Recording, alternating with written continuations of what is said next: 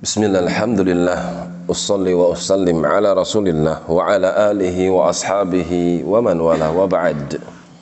Masih di dalam surah Fatir Sampai pada firman Allah Ta'ala Inna allaha Yumsikus samawat Wal arda antazula Sesungguhnya Allah subhanahu wa ta'ala Dialah yang menahan.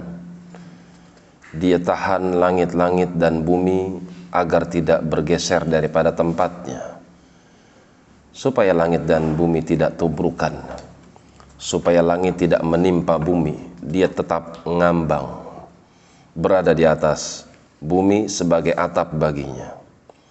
Wala in zalata kalau keduanya lepas dari penjagaan tersebut langit yang satu lepas menimpa bumi in amsakahuma lepas dari pegangannya.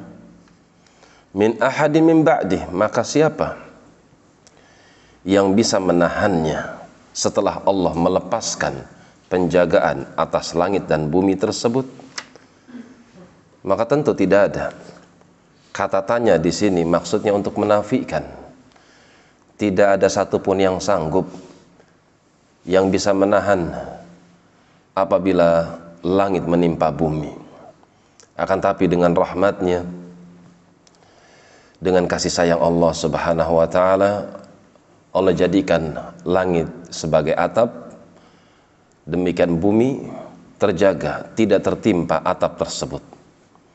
Dan ketika dia menjaga langit dan bumi tersebut hal tersebut tidak menjadikan dia lelah. Wala ya'uduhu hifdhuhuma. Tidak menjadikan dia capek ketika dia hifdhuhuma menjaga keduanya. Innahu kana haliman ghafura. Sesungguhnya Allah itu halim. Dia itu maha penyabar. Penyabar akan tingkah laku dari hamba-hambanya.